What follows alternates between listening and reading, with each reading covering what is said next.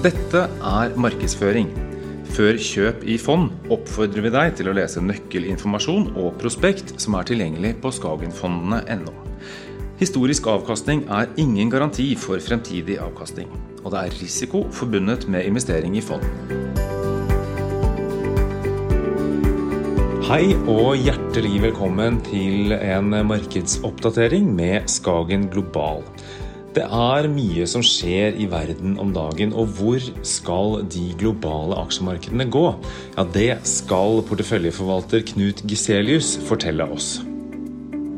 Bra, tack så mycket för det och eh, välkomna allihopa här till en uppdatering från Skagen Global här på hur det har gått för fonden, vad vi ser på marknaden här och eh, vi ska självklart också besvara de spörsmål som har kommit in till eh, oss. Eh, Agenda då som sagt lite mer konkret. Vi börjar med en eh, uppdatering, en titt på portföljen. Därefter vill vi gå in och eh, lite mer belysa det här eh, aspekten med kontantströmmar och, eh, och balansräkningar.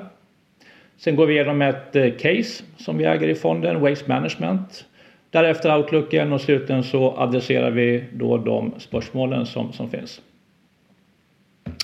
Så direkt in på fonden här och till vänster kan ni se en tabell som visar eh, performance för Skagen Global och för index per slutet av det tredje kvartalet. Eh, och då är ju fonden här i, i norska kronor ner 15,87 procent, eh, vilket är eh, ja, en klar bit mer än vad en index, eh, 7, eh, ja, nästan 8 procent då, är bak där. Eh, och så ser ni historiken här också då på eh, lite längre tidsperioder hur det har gått där. Och det är klart det är en, eh, ehm, det är klart det är en, eh, en bild som eh, ser betydligt annorlunda ut än hur den gjorde den 31 december förra året här. Och det är en, då en del för det som vi har snackat om att ehm, ehm, fonder och aktier, marknader svänger upp och ner här. Och det är i och för sig en naturlig del och vi kommer gå in lite grann på vad det är som har bidragit här till performance här och hur vi ser på, på framtiden när vi blickar eh, framåt och härifrån. Tittar vi då som sagt på de största och de bästa och de sämsta bidragsgivarna till fonden här så på i absoluta termer så har vi på topplistan ifall vi börjar med den Waste Management. Eh, det är ju avfallshantering i Nordamerika. Ses som en stabil, förhållandevis eh, robust affärsmodell även i tuffa ekonomiska tider. Canadian Pacific, det är järnvägen som vi har pratat om, järnbanan i Kanada, eh, som också har en väldigt stark marknadsposition. Och nummer tre, Dollar General, det är en lågprisvarukedja, ja, även den i Nordamerika, som naturligtvis också gynnas av en tid då konsumenterna kanske får lite mindre finansiella medel att röra sig med. Sen om vi tittar på till höger då på, på botten vad som har gått sämst eh, så här långt i år så har vi danska logistikbolaget DSV som har varit i botten.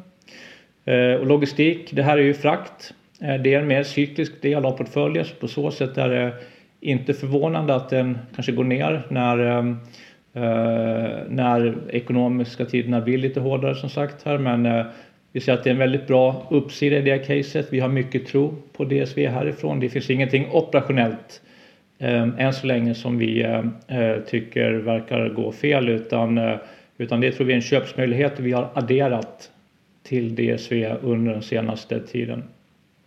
Adobe har också varit en svag, eh, eh, svag aktie under året och det som framförallt bidrog till den det var ett uppköp som man gjorde relativt nyligen eh, när man spenderade hela 20 miljarder dollar på att köpa upp en mindre konkurrent eh, som håller på med webbdesign och eh, eh, samarbete här man kan arbeta parallellt här med designer. Och det var ett uppköp som eh, vi tyckte kanske inte var särskilt bra, eh, i alla fall inte vid första anblicken. Eh, man betalade ganska mycket för det här, det var ett dyrt uppköp. Och ehm, den, eh, det som man köpte upp det heter Figma det är ett litet mindre bolag som har funnits sedan 2010-2011. Så ganska nyligen och ehm, eh, vi är lite besvikna över att Adobe inte själv har kunnat utveckla den här förmågan inom bolaget eh, under den här tidsperioden. Eh, så att där sätter vi ett litet frågetecken och vi, vi fortsätter att utvärdera det caset. Slutligen Nike också med på förlorarlistan och det hör ju delvis ihop med att det har varit fortsatta nedstängningar i Kina. Eh, Nike har ungefär 20% av försäljningen i Kina så att det blir en negativ del. Plus klart att det är lite högre eh, lagernivåer på, hos Nike som det är hos många retailers under den här tiden. Så det har varit en annan bidragande orsak. Men fundamentalt tror vi egentligen inte annat att det har varit någonting eh, negativt på lite längre sikt. Så att där, där har vi Eh, än så länge inga, inga större eh, frågetecken vad det gäller investeringscaset på sikt.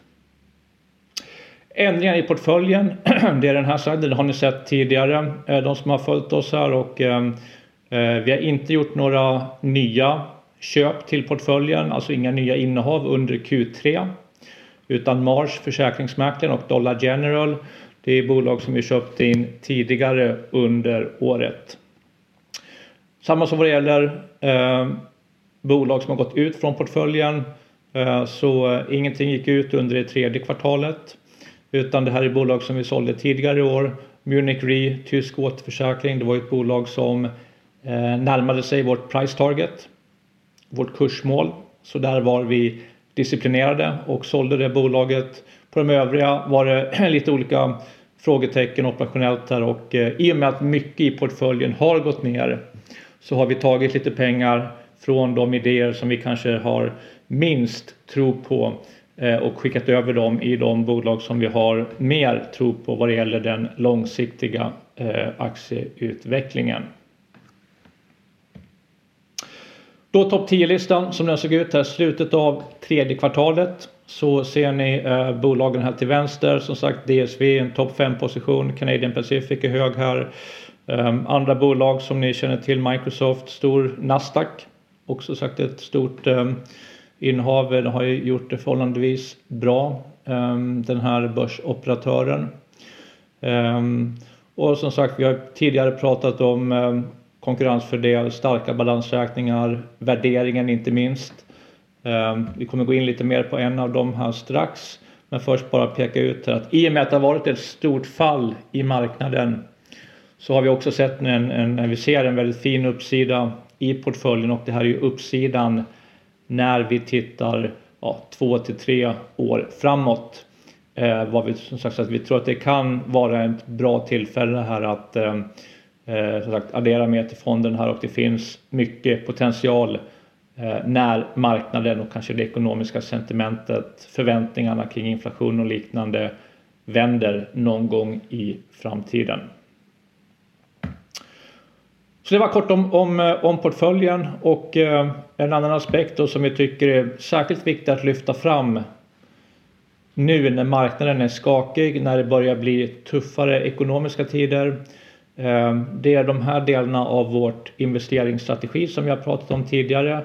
Vi har kanske inte riktigt uppmärksammat på samma sätt eller fått lika mycket frågor kring vikten av att ha starka balansräkningar och god kassaflödesgenerering i bolagen. Det är någonting som vi ehm, eh, poängterar för samtliga innehav i portföljen och vi ville visa varför det är viktigt i dessa tider som sagt. Först den här grafen som bara för att än en gång eh, förtydliga eller ännu mer understryka varför det är så viktigt för att undvika de här stora tappen på bolagen. Den här grafen visar i kort hur mycket en aktie måste gå upp efter en viss nedgång bara för att komma tillbaka till break-even, alltså samma nivå före nedgången. Till exempel går en aktie ner 50% så måste den gå upp sen hela 100% för att komma tillbaka till samma nivå. Okay. Och det är klart, när aktierna börjar falla väldigt mycket, säg 60-70, då krävs det enorma uppgångar bara för att komma tillbaka och få näsan över vattenytan igen. Så självklart vill man undvika dem och vi tror att ett sätt att reducera risken att åka på de kraftiga smällarna det är att just ha väldigt solida balansräkningar så att bolagen kan stå igenom när det kommer tuffa tider. Och det här är någonting som vi sagt vi har poängterat tidigare.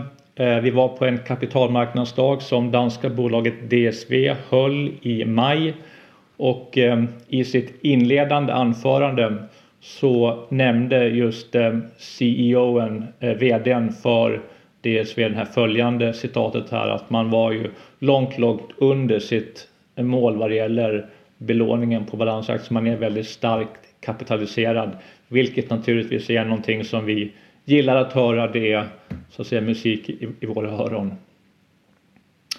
Och för att vara ännu lite mer konkret på det här så har vi visat en graf här på eh, de, våra, några av våra största innehav i portföljen.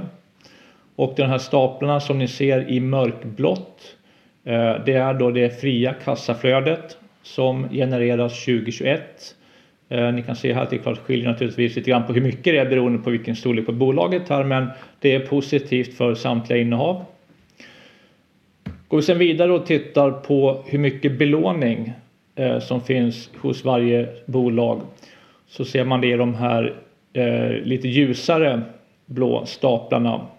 Och när det är en negativ siffra som i fallet Microsoft, Google, Accenture då innebär det att bolaget har en nettokassa. Det vill säga man har inte någon nettobelåning på balansräkningen. Man är net cash, vilket klart är väldigt, väldigt starkt. Och sätter man då den kassaflöde som genereras i förhållande till den skuldsättning som finns hos bolagen. Då kan man då räkna ut hur många år det skulle ta för ett bolag att bli helt skuldfritt om man inte är det från första början. Och det här är ju då en, en, eh, en approximation av hur många år som skulle krävas. Och ni ser att för många bolagen så krävs det nästan ingenting eller av de här som är net cash de är ju naturligtvis noll. För några bolag är det några lite mer till exempel Waste Management, till exempel Canadian Pacific. Eh, det är dock bolag som har lite mer robusta eller väldigt robusta affärsmodeller. Eh, så att där är vi inte oroliga för att det är lite högre eh, payback time som man kan kalla det för i de, i de fallen. Och gör man den här exercisen på hela Skagen Global-portföljen då kommer man se att ungefär 40% av våra bolag är net cash på balansräkningen. Och ungefär 80% skulle behöva bara en payback-tid på, på tre år eller kortare för att bli skuldfria. Så kontentan är att portföljbolagen är som regel väldigt, väldigt väl kapitaliserade och därför tror vi att de har mycket, mycket goda förutsättningar att ta sig igenom även den här krisen. Vi återkommer lite grann till det, till det senare. Så på nästa punkt så vill vi också gå igenom ett case här och vi har ju tidigare gått igenom eh, eh olika investeringar här och tittar man på topplistan och den sämsta listan för år. Här så har vi pratat om Nike tidigare, vi har pratat om DSV. Eh, så vi tänkte den här gången så tar vi Waste Management här och ger en liten inblick i den.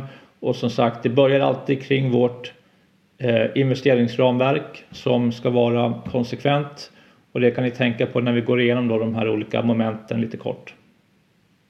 Så Waste Management, det handlar ju om avfallshantering, egentligen sophantering i Nordamerika, i USA framförallt. Och det är ett case som är inte särskilt komplicerat. Eh, det är lätt att förstå, lätt att ta till sig. Eh, det behöver inte betyda att det är ett dåligt case, en dålig investering. Bara som sagt att det är naturligtvis lite mer, ehm, inte liksom lika teknologitungt kanske som en del andra delar av marknaden. Varför är det viktigt med sophämtning? Ja, det vet vi alla som sagt vad som händer ifall det slarvas eller ifall det inte sköts på ett ordentligt sätt. Eh, det blir ingen trevlig miljö. Men tittar man på, på sopvolymerna rent allmänt så har ni här en graf som visar hur det ser ut i USA och det här är en graf som går tillbaka ända till 1960.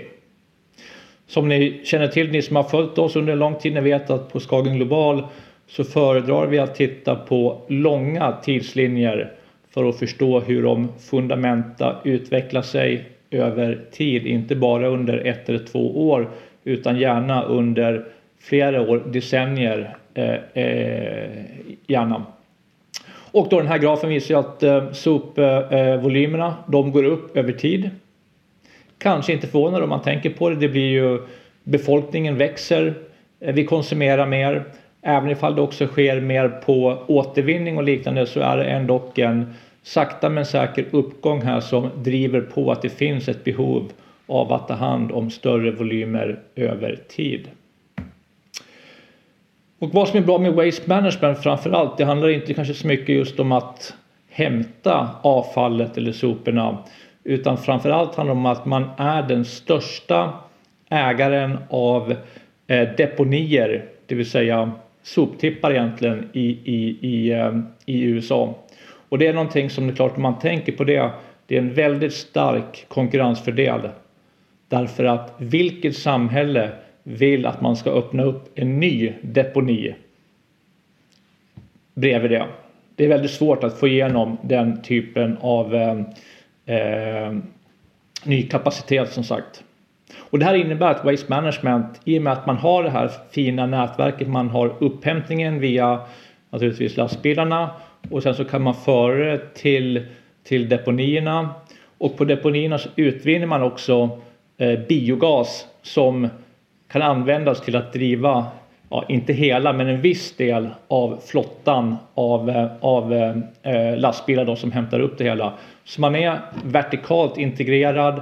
Man äger även transferstationer dit, alltså dit eh, eh, andra bolag som hämtar avfall kan lämna sitt avfall för att sedan gå vidare till, eh, till deponierna. Eh, och det här visar då på att man har ett, ett stort nätverk eh, Ehm, som gör att man är vertikalt integrerad vilket inte de flesta av konkurrenterna i USA faktiskt är. Utan många har bara en del av värdekedjan.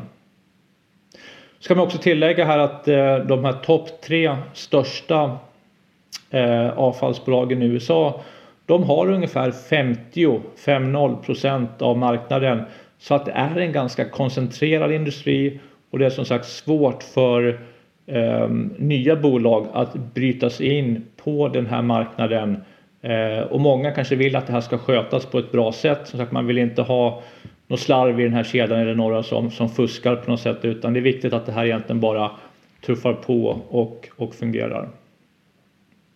Ibland får vi spörsmål om liksom hur det här också eh, linkas in till, till eh, det gröna skiftet eller, eller andra delar här. Men såklart tänker man på en, en deponi, en soptipp så kan man ju få ett dåligt intryck här. Men det finns som sagt även andra viktiga aspekter, till exempel de här stora rotorbladen på vindkraftverken. De kan ju bli väldigt, väldigt långa. Som ni säkert vet här och eh, ett sånt här vindkraftverk eh, fungerar i ungefär 25 år. Därefter avvecklas det och vad händer då med de här långa rotorbladen? Ja, än så länge kan de inte återvinnas i någon större omfattning utan, utan de hamnar då på, eh, i deponierna på, som sagt, på Rotorbladskyrkogården Eh, så det är ett område där, där Waste Management har en konkurrensfördel och i och med att man äger de här än en gång. Eh, det har skett en väldigt stor utbyggnad av vindkraften de senaste 10-15 åren så att det kommer komma en mängd med eh, efterfrågan då på att kunna ta hand om de här när man blickar framåt här. Så liksom det är ett exempel på eh, lite eh, ESG-vinkel på det här caset. Och vid något tillfälle så, tar ju, så blir ju de här deponierna, eh, soptipparna, de blir ju fulla. Då kan man använda dem till andra ändamål, till exempel kan man lägga solceller på de här men eh, ja, det finns som sagt också andra eh, möjligheter till vad man kan eh, göra med dem. Om vi bara tar ett par ord om det finansiella också kring Waste eh, Management här så eh, är det här en graf som visar antalet utestående aktier i bolaget. Sedan går tillbaka till 1996 och ni ser att det var en ganska kraftig rekapitulation här av bolaget för på 90-talet ska man komma ihåg att under den tidpunkten var Waste Management inte särskilt väl skött. Okay? Det var ju 30 år sedan.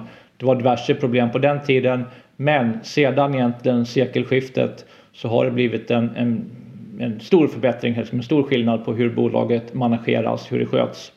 Och eh, det är intressant att titta på utvecklingen här av antalet utestående aktier.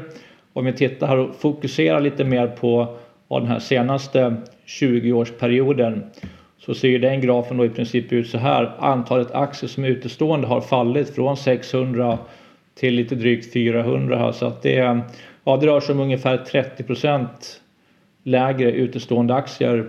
Vilket är naturligtvis en viktig del därför att de som äger aktier de, då blir varje aktie som är kvar mer värdefull. Och det här driver ju då som sagt som en del då det här är vinsten per aktie EPS som ni ser på den här grafen så är det en, en växande trend över 20 år här. Det är inte upp varje år. Det är inte kraftigt upp varje år här men det brukar ligga liksom och ticka på sakta men säkert uppåt här under lång tid. Vilket är någonting som vi som långsiktiga ägare eh, gärna vill se i bolaget. Och avslutningsvis om vi bara tittar lite grann på, på fria kassaflöde och på eh, skuldsättningen här så ser ni skuldsättningen. Här är ett nyckeltal som är net debt till ebitda. Nettoskuldsättningen till ebitda-intjäningen ligger ganska stabilt här. Som sagt, det var, kan vara någon liten förhöjning här men överlag eh, stabilt och bra på ja, två och en halv gånger ungefär. Eh, vilket, är, vilket är ett eh, eh helt eh, normalt eh, nivå för den här typen av bolag. Och kanske ännu viktigare den gula linjen som visar det fria kassaflödet per aktie. Om det växer över tid, det är kanske det det kanske är det renaste måttet av alla finansiella mått om man vill se på hur utvecklingen av ett bolag är över tid. För det är väldigt svårt att manipulera eh, den typen av finansiella mått över tid. Så att det är än en gång inte växande varje år, kan vara några års nedgång här men överlag så ser det ser det väldigt fint ut på den utvecklingen.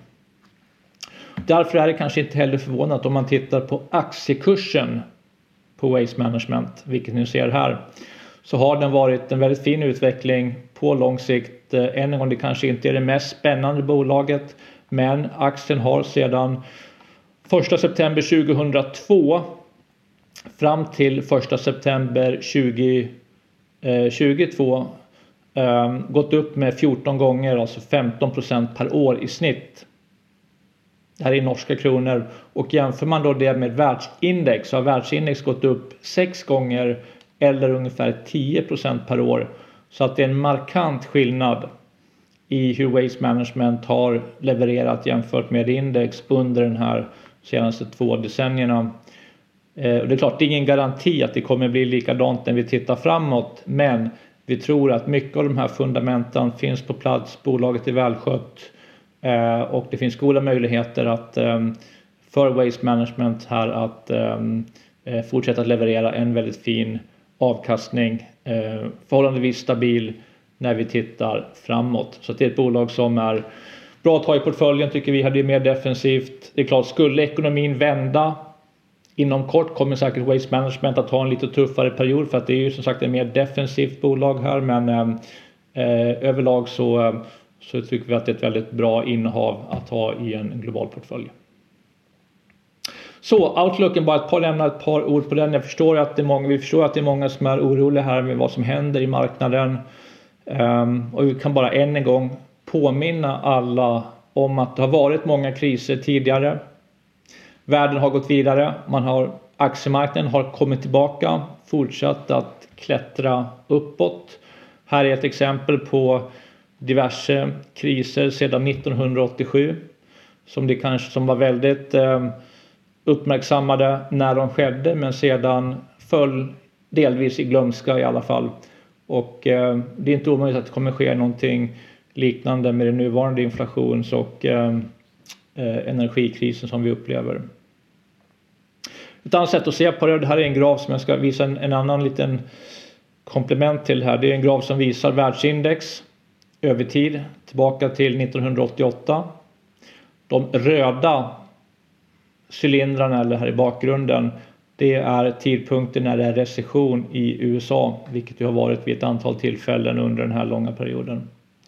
Men det som är intressant som vi framförallt vill lyfta fram här det är om ni tittar längst ner här på grafen de här siffrorna så visar de eh, totalavkastningen från världsindex mätt i amerikanska dollar per kalenderår. Så ni kan se under den här tidsperioden att det har ändå varit, visst självklart är det då och då några nedgångar och en ganska kraftig nedgång 2009. Men tittar vi då 2022 fram till eh, slutet på tredje kvartalet så är det en nedgång med 25 i världsmarknaden. Eh, vilket är en ganska kraftig nedgång får man säga jämfört med hur det har sett ut historiskt.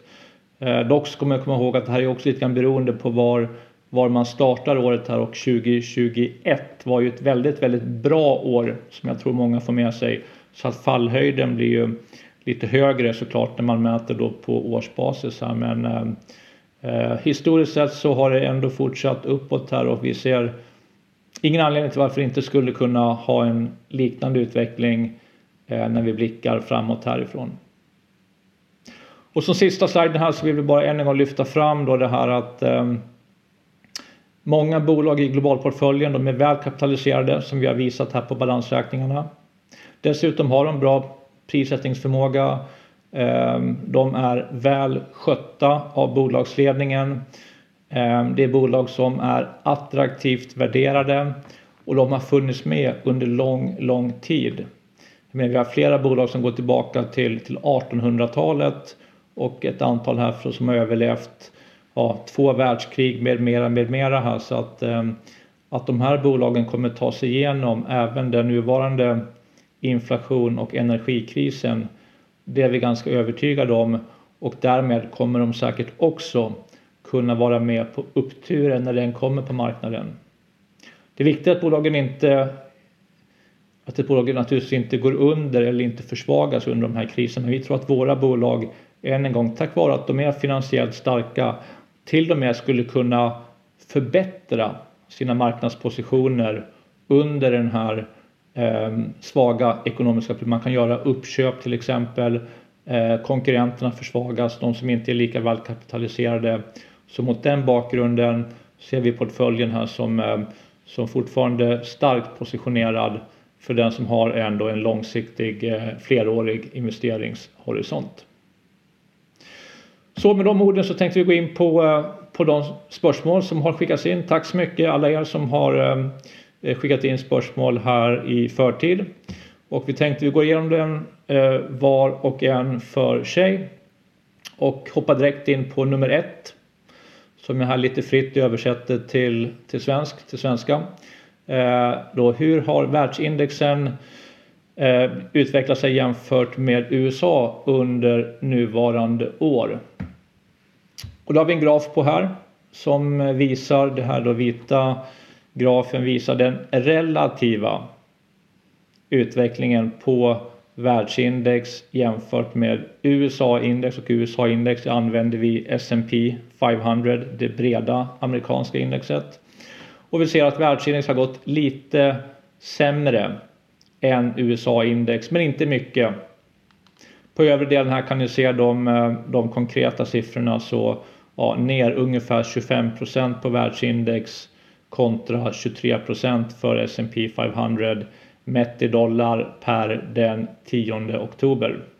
Så ja, i många termer förhållandevis liknande utveckling. Nummer två är Skagen Global investerad i eh, försvarsmaterialproducenter? Och svaret är, nej. Eh, det finns ju en ESG-policy som Skagen har och även en eh, Eh, koncerntäckande ESG-policy med en exklusionslista som Storebrandgruppen har.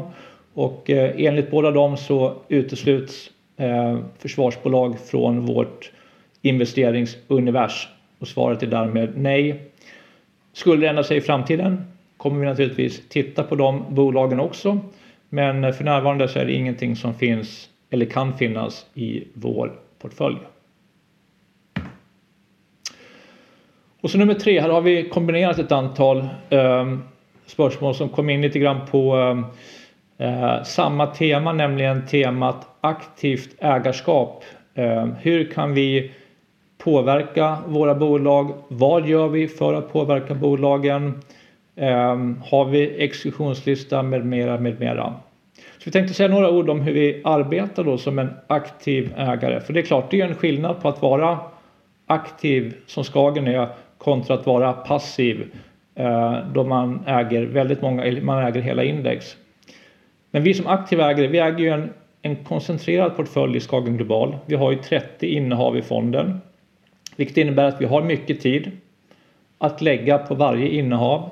Och helst vill vi äga bolag där ledningen sköter sig bra och vi inte behöver komma in och eh, komma med så mycket synpunkter. Eh, men det innebär inte att vi inte ser att saker och ting kan förbättras ibland. Och det finns ett exempel här som ni ser på den här sliden. Saker som vi gör då för att eh, värna om våra eh, andelsägare så att bolagen drivs på, på bästa möjliga sätt. Och vad gör vi då rent konkret? Ja, till exempel vi träffar management. Senaste veckorna har, ehm, eh, har vi på Skagen Global träffat managementteamen på ett antal av våra bolag och även på prospectbolag där vi kan sitta ner och diskutera, framföra synpunkter eh, för att då göra vår, vår stämma hörd. Vi åker ut och tittar på, på eh, eh bolagen, hur, hur de fungerar i praktiken. Till exempel i maj så var jag i Danmark och besökte ett eh, lagervaruhus som eh, DSV har. För att då helt enkelt också kunna komma ut och förstå lite grann vad som sker på, på plats hos bolagen. Eh, board engagement, styrelsen, då har vi inte haft någonting för tillfället här för med, eh, med eh, Skagen Global men vi har ju vi har haft tidigare historiskt alltså dialoger med styrelsen för olika innehav där vi tycker att det är någonting som är väldigt viktigt, en fråga som vi då vill, vill föra fram direkt till styrelsen så det, det har vi en historik på att göra. Proxy voting det är alltså de här eh, rösterna på generalförsamling. Det tycker vi är väldigt viktigt. Eh, på Skagen Global så röstar vi alltid i de här generalförsamlingarna och vi gör naturligtvis vår egen bedömning. Det är ju så att eh, det finns ett par större oberoende aktörer eh, som heter ISS och Glass Lewis. De skickar ju sina rekommendationer på hur man kan rösta i de här fallen men vi följer inte dem blint utan vi gör vår egen bedömning och, eh, och lägger dessutom ut på vår hemsida hur vi har agerat i de fall då det har varit någonting eh, som är lite mer speciellt. Så finns det en exekutionslista också som vi, eh, som vi följer. Som sagt, och vi är med i media men vi är ju inte en aktivist. Vi är inte ute och försöker ha någon dialog med bolagen via media utan det tar vi framförallt direkt med bolag om det är någonting som vi tycker att det är viktigt att framföra till bolagen. Och sen hur mycket kan vi påverka? Ja, det är klart att ju större vi är, desto mer kan vi påverka. Det är naturligtvis svårt för Skagen Global att ha väldigt stor påverkan på ett bolag som Google eller Microsoft. Men det är bolag som har varit mindre som vi äger eller har ägt och då har vi nog haft en eh, mer inflytande. Till exempel ett bolag som vi inte äger längre men vi ägde dem tidigare. Där träffade vi tillsammans, vi var en av de största aktionärerna i bolagen, en av de största ägarna alltså. Och då träffade vi styrelseförmannen och de två andra största ägarna och hade en middag tillsammans och diskuterade lite grann eh, hur vi såg på, eh, på strategin och liknande. Så att vi är med, vi försöker göra vår stämma hörd så att ehm, eh, alla som är med i fonden ska förstå att vi gör vårt yttersta för att det ska bli bästa möjliga utveckling för, för bolagen. Och så geopolitisk risiko då som sagt under det kommande året har varit störst. Ja, vi har ju tidigare tagit upp det här att ehm, eh, vi har varit bekymrade kring vissa delar. Ni vet ju, vi har inte varit i Ryssland sedan 2015. Vi har inte varit i Turkiet sedan 2016. Eh, självklart så diskuteras det mycket kring Kina, Taiwan så det är ingenting nytt där. Men det är klart att det är en del som vi naturligtvis följer med på här. Och, eh, klimatet rent allmänt i Kina är någonting som investeringsklimatet är någonting som vi granskar noggrant, eh, följer med på. Och eh, även USA hettar ju upp lite grann här med, eh, med mellanårsvalet, midterm election som kommer här i november. Inte för att det kanske är någon geopolitisk oro i den bemärkelsen men det kommer ändå vara, tror vi, eh, väldigt viktigt för, eh, för den amerikanska marknaden under de kommande två åren. Så det är två områden här som vi, som vi följer noggrant för tillfället. Eh, självklart eh, i tillägg till det, som, till det krig som pågår i, i Ukraina. Så nummer fem, eh, det är sju frågor totalt här. Så vad tror ni på en krasch i bomarknaden i, i Kina? Hur kommer det påverka den globala ekonomin? Ja, så det enda vi kan säga här egentligen är att vi, vi förstår ju att det skulle kunna ha en stor in, negativ inverkan. Men vi tror inte att Skagen Global kanske har någon speciell insikt, alltså att vi skulle veta mer än någon annan hur mycket det kommer påverka och eh, när det kommer ske i så fall. Dessutom måste man också tänka på vilka, vilken typ av motåtgärder som den kinesiska regeringen skulle ta fram. Eh, plus att det kan vara någonting som kan vara negativt på kort sikt men positivt på lång sikt beroende på hur det utvecklar sig. Så att ja, det här är någonting som vi, vi följer med här men, men vill också föra fram att Skagen Global har ingen direkt eh, exponering mot den kinesiska bostadsmarknaden. Vi äger inga kinesiska fastighetsbolag i Skagen Global. Vi har inte gjort det heller på väldigt lång tid. Förväntar ni en stor nedgång i fondens värde om det skulle bli hög kostnad här och, och brist på energi här och resten av världen eh, och speciellt i Europa framöver? Det enda vi kan säga här är att eh, vi tror att våra bolag än en gång de är väl positionerade. Det är klart, skulle det bli en väldigt, väldigt eh, dålig ekonomiska tider framöver, börsen går ner kraftigt, så är fonden inte immun mot en sån nedgång. Då kommer vi också gå ner Förhoppningsvis kommer vi gå ner mindre än marknaden. Eh, det tror vi är någonting som vi hoppas kommer kunna ske då ifall eh, det skulle bli så givet att vi har bolag som är bra kapitaliserade, bra värderingar med mera. Och då sista frågan här som har kommit in eh, det är om man vill köpa mer på en dipp här, hur kan man veta att man har köpt på, på botten? Det är en intressant fråga. Den är väldigt bra. Den är också väldigt svår att, eh, att ge något klart svar på. Ifall det är någon som vet hur man vet att man ska köpa när man har köpt på botten här så, så dela gärna med av den informationen till oss då. Men eh, vi vill också sagt dela med oss av en studie lite grann på det här temat och det här är en studie som det är inte vi som har gjort den men vi bedömer att den är tillförlitlig eh, och den är just på temat här att köpa på en dipp kontra att kontinuerligt köpa marknaden. Jag ska förklara den här grafen för jag tycker att det här ändå är en, en intressant och en viktig del även om den inte direkt relaterar kanske till Skagen Global. Om man tänker två strategier. Den ena strategin den är att man kontinuerligt skickar in pengar, månadsspar till exempel. Det är det som kallas för dollar cost averaging. Och den andra strategin, investeringsstrategin, den är att man köper bara på dippar och då kan man bestämma sig för vilken dipp man vill ha från toppen av marknaden. Till exempel man köper, man köper vid 10, så fort marknaden har gått ner 10% då börjar man köpa.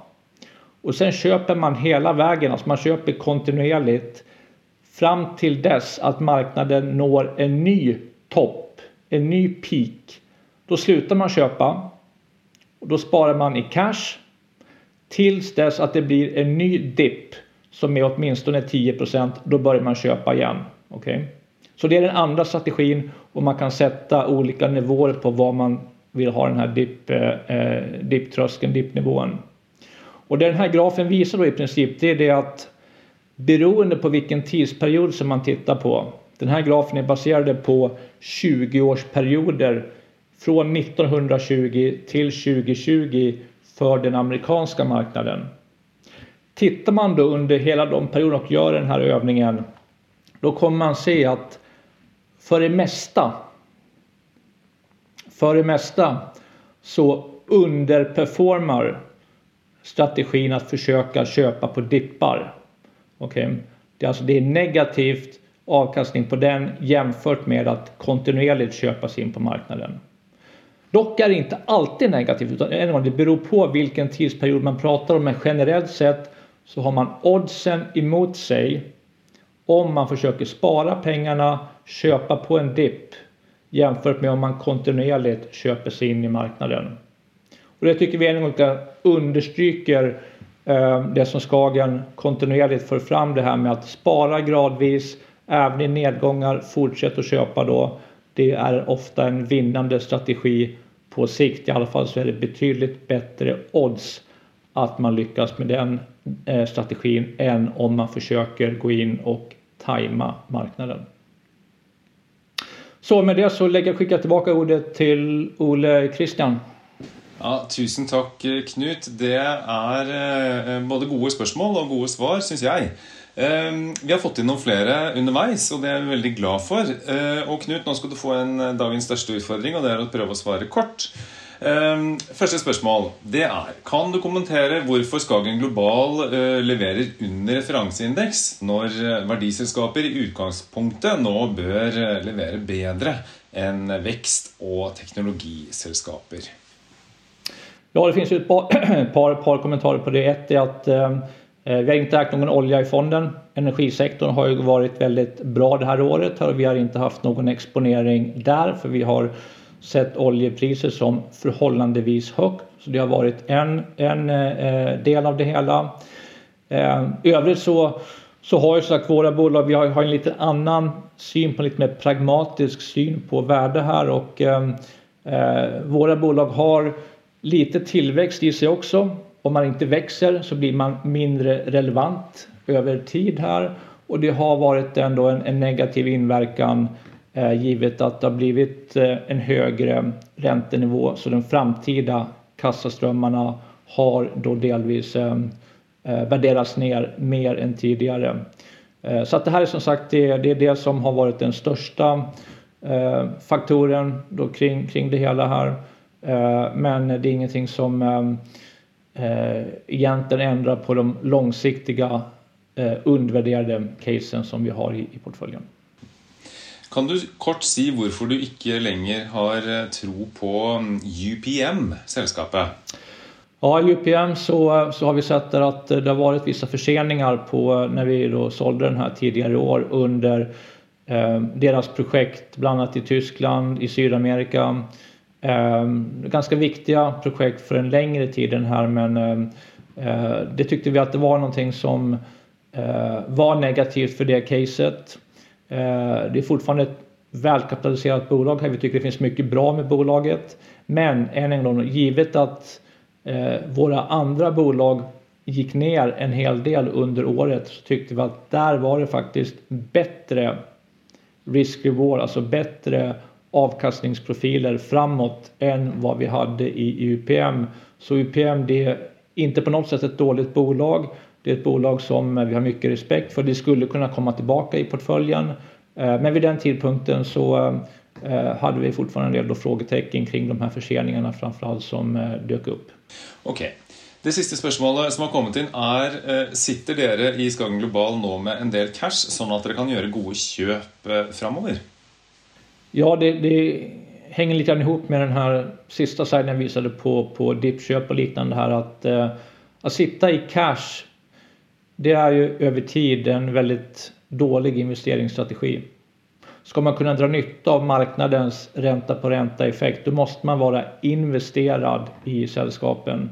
Och givet hur mycket uppsida vi har i portföljen så sitter vi med väldigt låga cashnivåer. Vi har mindre än 1% cash i portföljen Eh, därför att vi menar att de här goda uppköpen som man kan göra nu, de har vi gjort. Därför går vi in och köper just de bolagen som vi har i portföljen på de här nivåerna.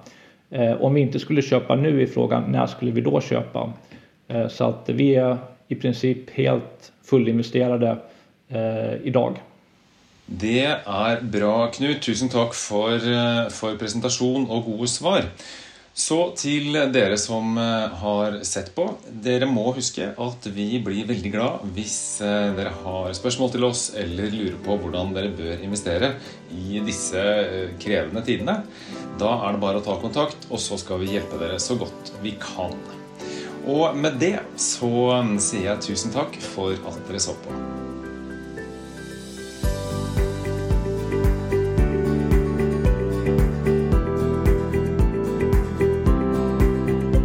Kjøp gjøres i fondsandeler og ikke i aksjer eller andre verdipapirer. Du finner informasjon om kostnader, investorrettigheter og hvordan Skagen jobber med bærekraft på vår hjemmeside.